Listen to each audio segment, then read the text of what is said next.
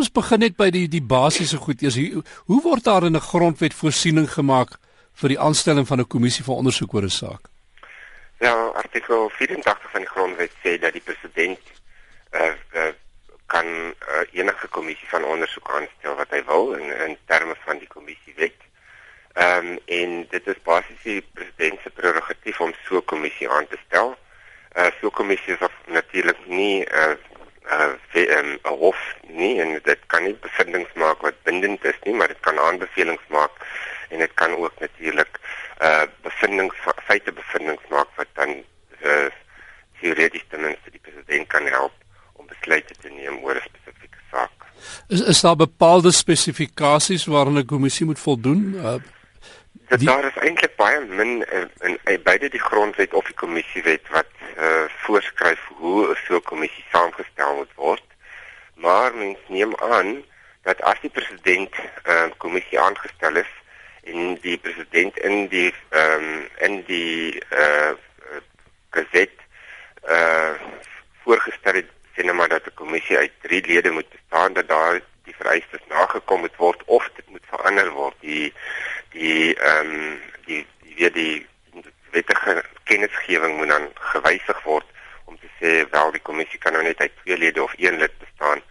Uh so dit is vir die president om te besluit maar dit moet alles skriftelik en wettiglik gedoen word. Nou goed, toe die kommissie vir ondersoek vir na die wapenskandaal aanvanklik op die been gebring is of aangekondig is, was daar vrese dat die president dalk bybedoelings het. Uh dit is nou maar in in hierdie politieke bestel waarin ons op die oomblik sit, daar baie wantroue van alle kante af. Nou steek daar ook aantuigings weer kop uit dat die kommissie nie onafhanklik te werk gaan nie. Ja, dit is natuurlik 'n probleem vir die kommissie dink ek. Ehm um, die rede hoekom uh, mense soos president uh, kommissies aanstel is hulle wil hê iemand wat in die oë van die publiek geloofwaardig is, ehm um, iets moet ondersoek en dan relatief geloofwaardige bevindinge moet maak. As daar nou persepsies ontstaan, regtelik of verkeerdelik, dat die kommissie dalk nie heeltemal onafhanklik is nie, dan maak dit nou eintlik die doel van die aanstel van die kommissie heeltemal nietig. Ehm um, so daar is 'n probleem en ek dink dit is vir die kommissie om nou uh, in hierdie dae as hulle nou ehm um, getuienis gaan roep om dis dit so te hanteer dat mense weer uh geloof in die kommissie en die onafhanklikheid en, en van die kommissie uh, kry want an, as hulle dit nie doen nie dan dan gaan nie eintlik die hele die doel van die kommissie of dit nou 'n politieke doel is en of dit nou werklik die doel is om waarheid uit te kom gaan nie eintlik haalbaar wees nie. Want daar was van die begin af as ons nou gaan kyk nou vanaf die kommissie nou in die lewe geroep is word daar aantuigings gemaak ook deur ander kommissielede wat ons nou gesien het ook uh, wat byvoorbeeld uh, sekere aantuigings maak teenoor of rakende die die voorsitter van die kommissie regter Seriti. Ehm um, so as die voorsitter nie deur almal vertrou word nie, dan het so 'n kommissie ook nou eintlik 'n geloofwaardigheidsprobleem. Ja, dit is 'n probleem. Die rede hoekom die meeste kommissies uh, wel deur 'n regter uh as voor uh, die voorsitter 'n regter is, is juis omdat regters gesien word as mense wat uh, onafhanklik en onbevange na 'n saak kan kyk. Uh en dit is natuurlik baie goed vir vir die president om so 'n persoon aan te stel want dan dit gee dit geloofwaardigheid. Ehm um, as daar 'n probleem is met die geloofwaardigheid van die kommissie of as die persoon wat die voorsitter is, uh miskien deur sy optrede of ge gebrek aan optrede die persepsie begin skep nie onafhanklik is nie, dan is daar probleme. En ek dink dit is regtig regter Seriti het het, het soos hulle in Engels sê, got his work cut out for him om om nou te uh, op te tree op 'n manier wat hierdie uh, persepsies wat nou wel ongelukkig ontstaan het uit die weg te ry. Maar as hy dit nie doen nie, dan gaan ek dink ek gaan daar probleme wees vir die kommissie en die geloofwaardigheid van die uiteindelike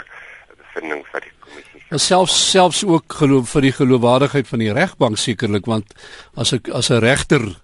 of regters gesien word dat hulle nie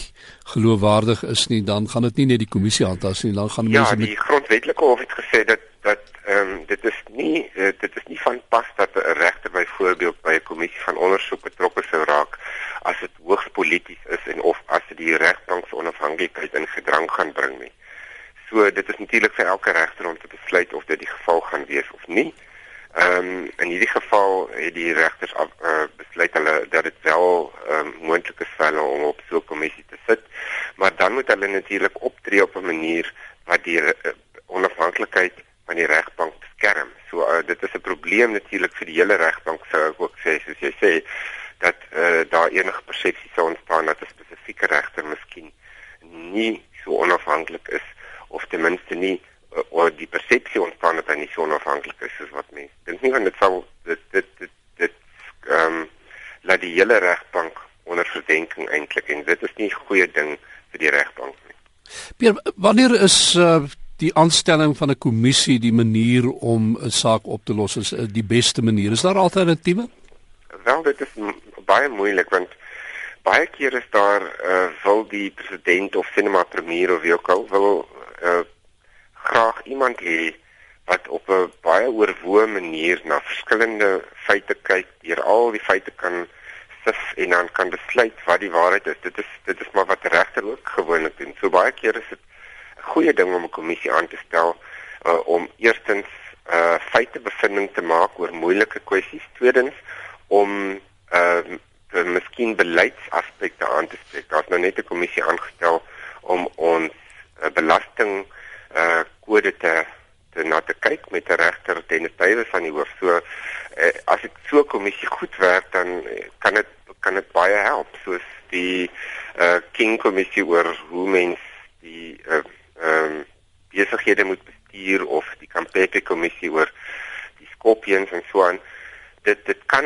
in sommige gevalle wel help om die president te help om om om 'n goeie besluit te neem.